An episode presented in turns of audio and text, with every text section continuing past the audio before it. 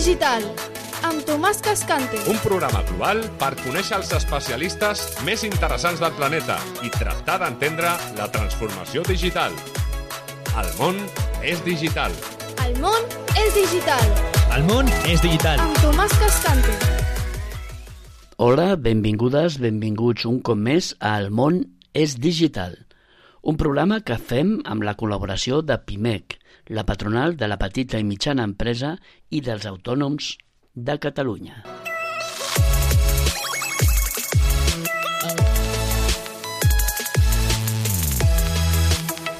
Avui aparcarem un moment al, al món de la PIME, de l'empresa, i ens centrarem en els municipis. Els municipis, evidentment, també utilitzen les noves tecnologies i en aquest cas parlarem de com els municipis eh, fan servir les càmeres, les càmeres de vigilància, eh, per, per quantitat de, de, de propòsits diferents. Eh, I ho farem de la mà de l'Albert Cortada. L'Albert Cortada és el fundador i CEO de l'empresa ControlCat, però és també el president d'una associació d'empresaris relacionats amb les TIC. Concretament, l'Albert Cortada és el president de Gentic.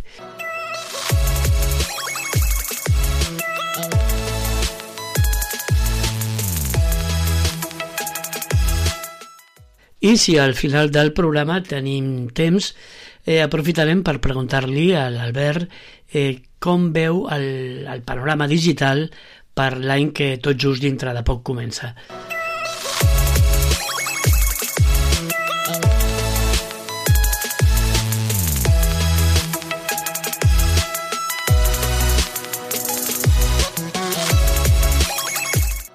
Bé, Albert, el primer, donar-te la benvinguda de nou al programa. Moltes gràcies, Tomàs. Encantat d'estar amb tu. Bé, eh, dic benvingut de nou perquè ja has passat més d'un cop, però de fet tu ets un dels fundadors d'aquest programa en aquells temps prepandèmics quan ens reuníem un grup de, de tertulians i parlàvem sobre aquests temes interessants de, de, les, de les noves tecnologies, per dir-ho d'alguna forma. Eh, tu has corregut molt eh, durant aquest temps i potser el primer que ens expliquis dintre del sector aquest de no sé si de seguretat o servei, no sé com definir-ho, de, de càmeres i de control de càmeres, què és el que, eh, què és el que estàs fent, què esteu fent com a Mm. empresa? Sí, doncs mira, jo et diria que a ControlCat el que estem fent actualment és eh, ajudar a la digitalització de les àrees de seguretat, de mobilitat i de medi, i de medi ambient a, als municipis i ciutats de Catalunya i d'Espanya. Val? Amb, amb, amb, amb l'aplicació d'una tecnologia, de, bueno, com ja, ja comentarem una mica més endavant, tecnologia d'intel·ligència artificial, Big Data i unes plataformes que són estratègiques per ajudar a la gent que es dedica a, aquestes àrees de, a aquestes àrees de, dels municipis. Bé, o sigui, el vostre client, per dir-ho així, són municipis. Eh, I has, has dit medi ambient, però també m'has parlat de vegades de policia. Eh, Mhm. Sectoritzem, comencem per, per un, un d'aquests sectors i Sí. a veure què és el que esteu fent i amb què es beneficia el poble o el municipi Mhm. de, dels vostres serveis. Mm. Doncs mira, uh, si parlem, per exemple, de seguretat, que seria l'inici i el sector més estratègic de, de lo que, a lo que ens dediquem, és, uh, nosaltres ens dediquem a, a la integració de, de sistemes amb càmeres i amb plataformes que el que fan és donar suport als cossos de seguretat tant de municipis com de ciutats com de territoris. Val? Per això treballem doncs, amb policies locals, amb Mossos d'Esquadra, amb guàrdies civils, doncs, en general amb tots els cossos de, de seguretat. I ens dediquem a proporcionar eh, tecnologia per ajudar a la seva feina i, per tant, millorar la seguretat dels ciutadans. Bé, fins, fins ara el que veiem a les pel·lícules en quant a seguretat i a càmeres eren unes càmeres que estaven col·locades de.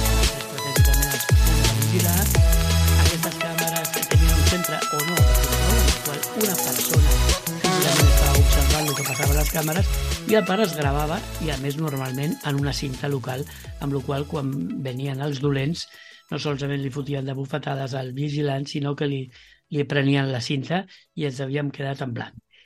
Eh, de tot això fa molt, però encara ho veiem a les pel·lis. I quina és la realitat actual? Com funciona això? La realitat actual és que ara aquests sistemes són sistemes tecnològics. Abans eren sistemes eh, dedicats exclusivament a les empreses, com tu expliques, eh, històricament de seguretat, eh, que tenien uns monitors i uns senyors que miraven uns monitors i que, i que tenien unes càmeres gra gravant i quan passava alguna cosa hi havia algú que deia Ara no. Ara els sistemes són eh, autònoms i el que fa, i, i, la, i la diferència bàsica és que els sistemes ens alerten. És a dir, no hi ha un senyor mirant cap monitor en cap lloc. Tot i que eh, per un tema d'imatge o un tema eh, allà en les sales que hi ha molts monitors i moltes, i moltes imatges veient-se. Això no serveix absolutament de res a nivell operatiu. Val? Llavors, eh, els sistemes el que es fan és avisar-nos quan detecten eh, que un vehicle doncs, eh, passa per un lloc i és un vehicle que està denunciat. Val? Doncs la tecnologia el que fa és analitzar aquell vehicle, eh, mirar, mm, analitzar la, la matrícula, comparar-la amb, amb llistats de matrícules denunciades o, o sospitoses, reconèixer a, a través d'intel·ligència artificial eh, dades dels vehicles, com pot ser els colors, el, el, la marca, el model, tot, tota una sèrie de dades, i alertar eh, els cossos de seguretat perquè actuïn. Doncs, per exemple, doncs, si, una, si un vehicle passa per un carrer determinat i és un vehicle sospitós, automàticament es genera una alerta que arriba a, a la gent que estigui més a prop en, el seu, en els seus mòbils i automàticament doncs, ja eh, van actuant en conseqüència.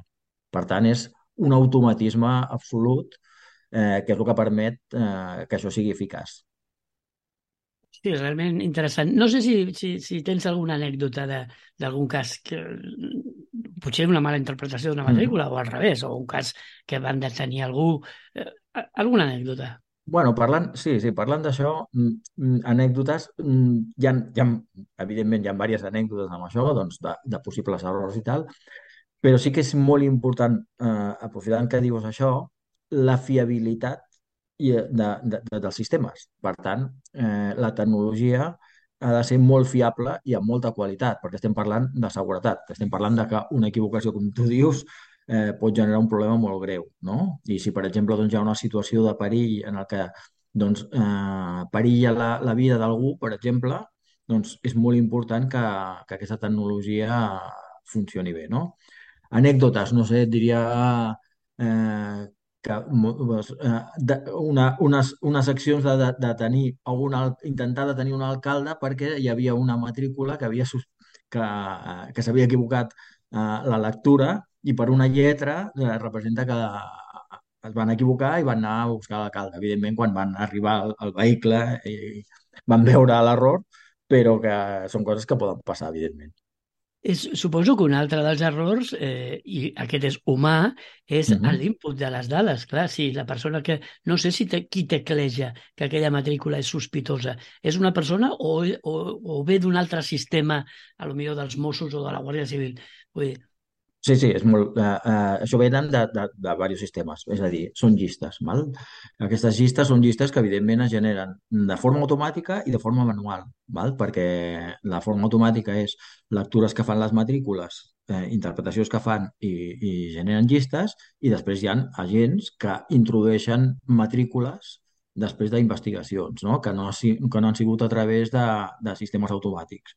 Per tant, aquestes llistes es generen de les dues maneres però en els, a les plataformes de software, que són, és el més important de tot aquest sistema que estem parlant, li arriben aquestes llistes, per exemple, de Mossos, dels vehicles denunciats. Val? I aquestes llistes són les que es comparen. Quan un vehicle passa per un lloc, es reconeix la matrícula, es compara amb la llista i s'actua en conseqüència. Bueno, no et diré que ens ho expliquis perquè no, no és la ràdio el puesto per explicar-ho, però suposo que el delinqüent coneix trucs, eh, truquitos, coses Clar. que pot fer per, per variar un, amb un petit tros de fang, jo que sé, variar que no puguin llegir la matrícula o pintures reflectants. No, no ens ho expliquis, però sí existeix, no?, la forma de falsejar-ho.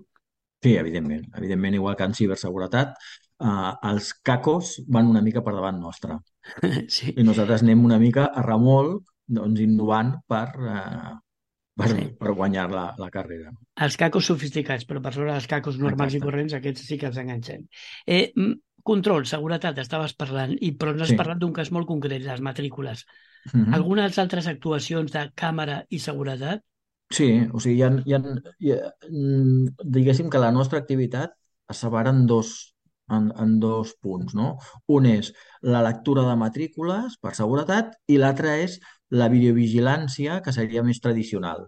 Val? La, la, la vigilància més tradicional és una càmera que està mirant una escena, no està llegint matrícules, però sí que està llegint l'escena.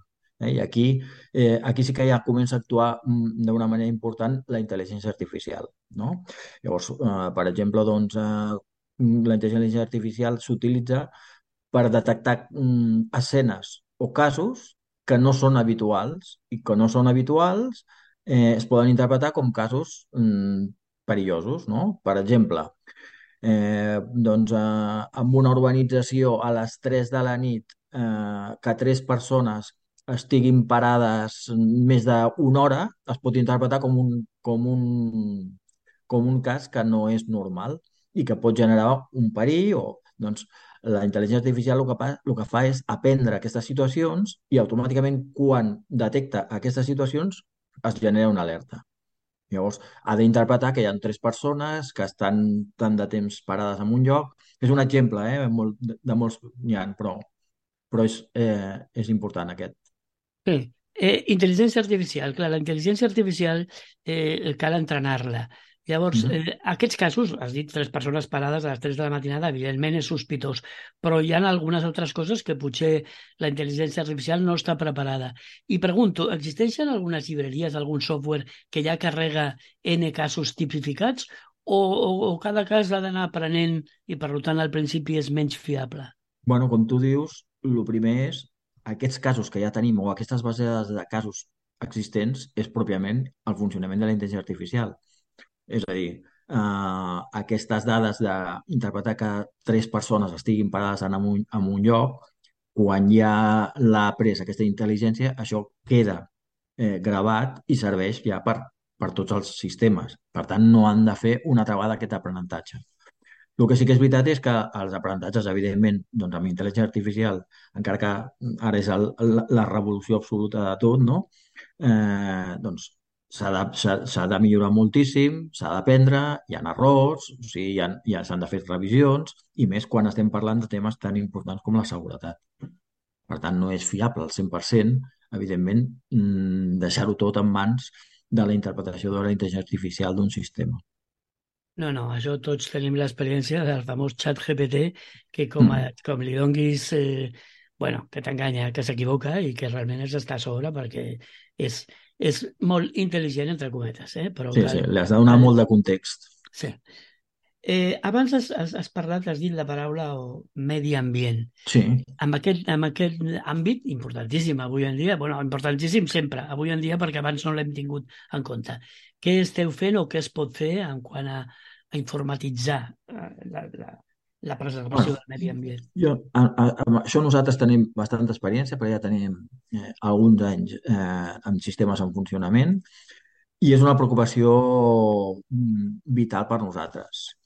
Llavors, eh, nosaltres treballem sobretot eh, per la implantació de les zones de baixes emissions, val? que com ja sabeu, les zones de baixes emissions aquest 2023 haurien de, totes les ciutats de 50.000 de, de més de 50.000 habitants han de tenir aplicades les zones de baixes emissions. I per tant, els vehicles eh, amb distintiu A no haurien de poder circular en aquestes, en aquestes eh, ciutats.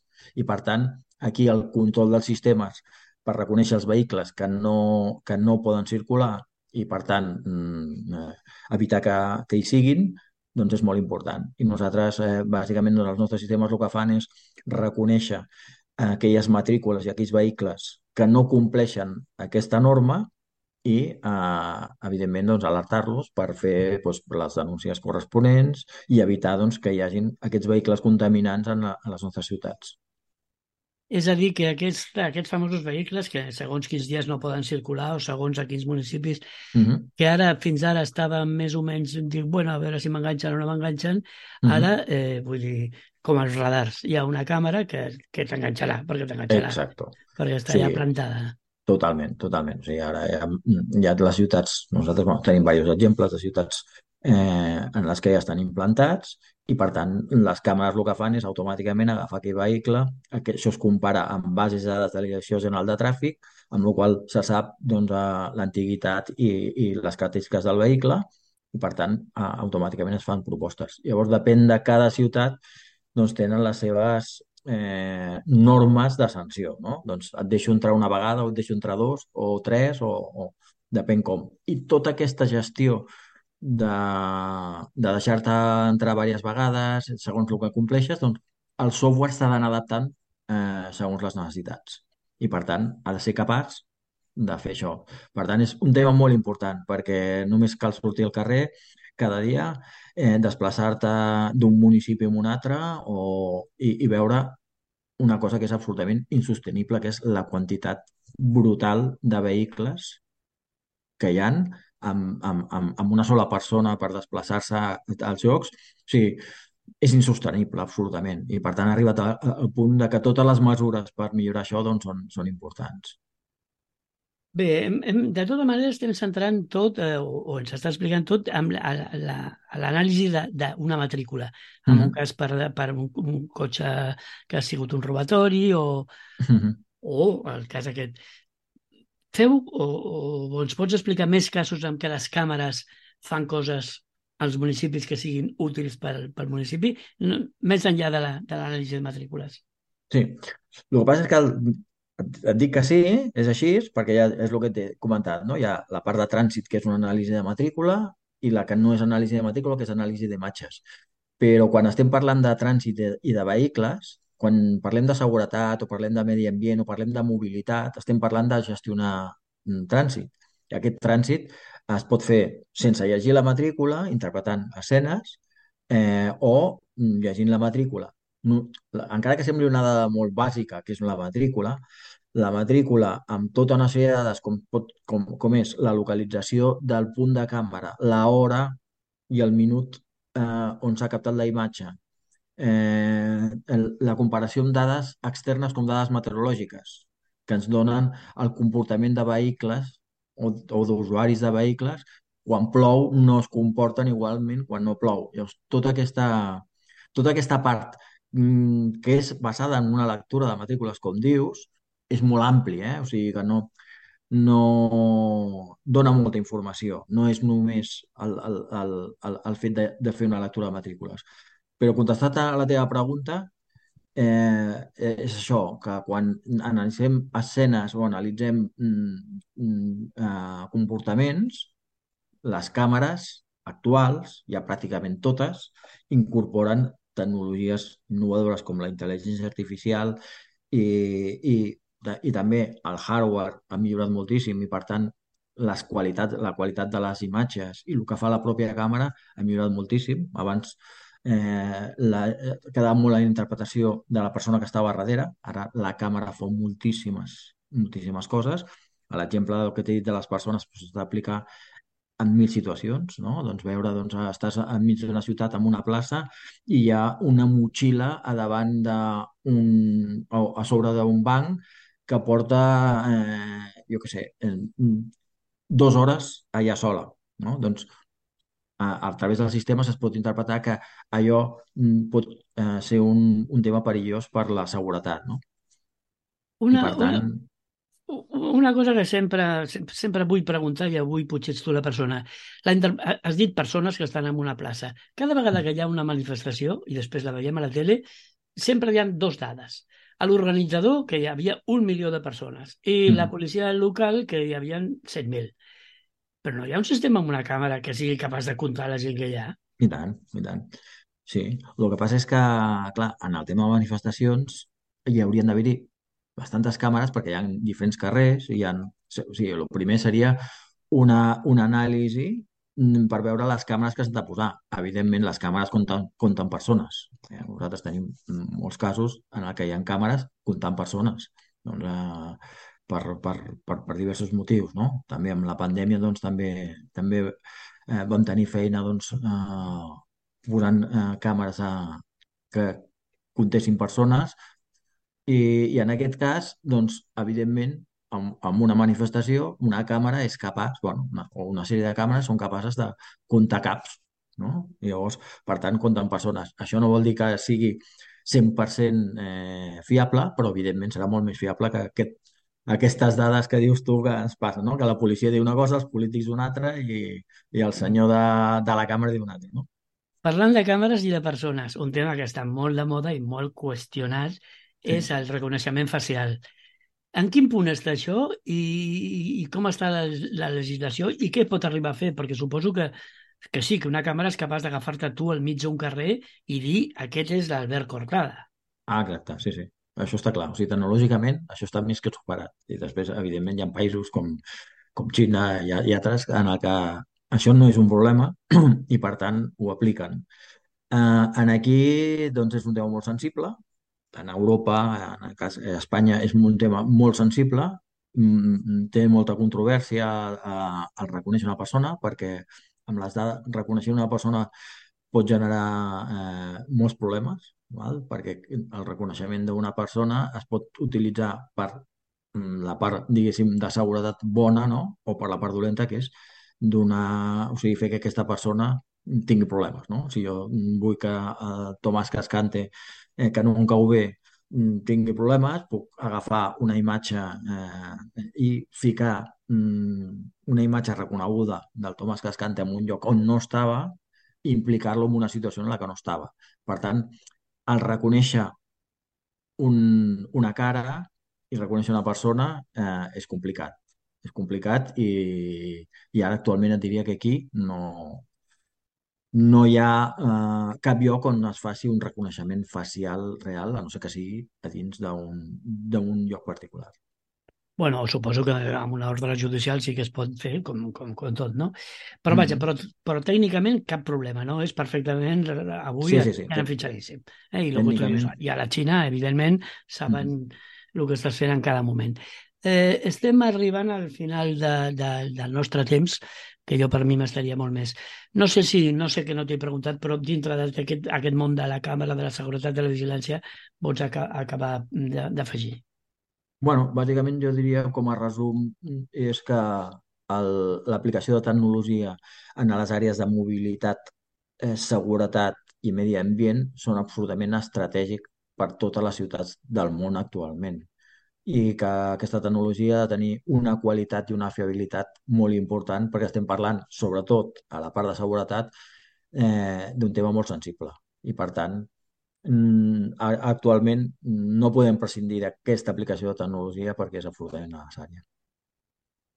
Bé, i ara sí, per acabar el programa, eh, amb la teva qualitat ens has parlat com a, com a CEO de, de ControlCat, però tu també ets president de Gentic. Gentic Mhm. és una associació de gent TIC o gent tecnològica. Mhm. Eh, estem acabant 2023 i sempre està bé fer, un, no, no un resum, però un, uns desitjos o unes previsions digitals per l'any que ve. Tu com, com veus el 24 amb tot aquell enrenou que hi ha d'intel·ligència artificial eh, en company? Com veus el Bueno. 24 digitalment parlant? Bueno, jo, jo et diria, primer, la revolució de la intel·ligència artificial és una cosa que evidentment no, no, no, no estic aportant res nou, però és una revolució molt, molt, molt gran en la que farà que tot canvi, que aquest 2024 serà, jo crec, l'explosió de la intel·ligència artificial, perquè ja s'ha vist les coses bones, les coses dolentes, ja s'estan regulant, no? S'estan- En llocs ja estan regulant la intel·ligència artificial, o sigui, per tant, eh, és una tecnologia que, que revolucionarà. És, per mi és com quasi l'aparició d'internet, eh? Uh, la, la, la revolució, la, la intel·ligència artificial, depèn com s'utilitzi. I després hi ha una cosa que té a veure uh, amb un company eh, molt expert, eh, que és el, el Jordi Marín, que va parlar de, del talent, de, de, de la falta de talent digital, i això és un problema gravíssim que ens trobem en totes les empreses. I això, com a gent TIC, ens, ens ho estem trobant buscant talent, no es troba, no es troba talent, no es troba gent eh, per, per, per fer programes, per fer aplicacions, per, per fer per innovar. O sigui que és, és un gran problema aquest. Bé, doncs ens quedem amb aquest, eh, amb aquest, aquest de 2024, que evidentment mm. la manca de talent o la, o la fuita de talents és un dels grans problemes que tenim. Eh, res més, Albert, moltíssimes gràcies per haver estat aquí un altre cop amb nosaltres i d'aquí una temporada tornarem a demanar la teva presència al programa. Moltíssimes gràcies per convidar-me, Tomàs. El món és digital. Amb Tomàs Cascante.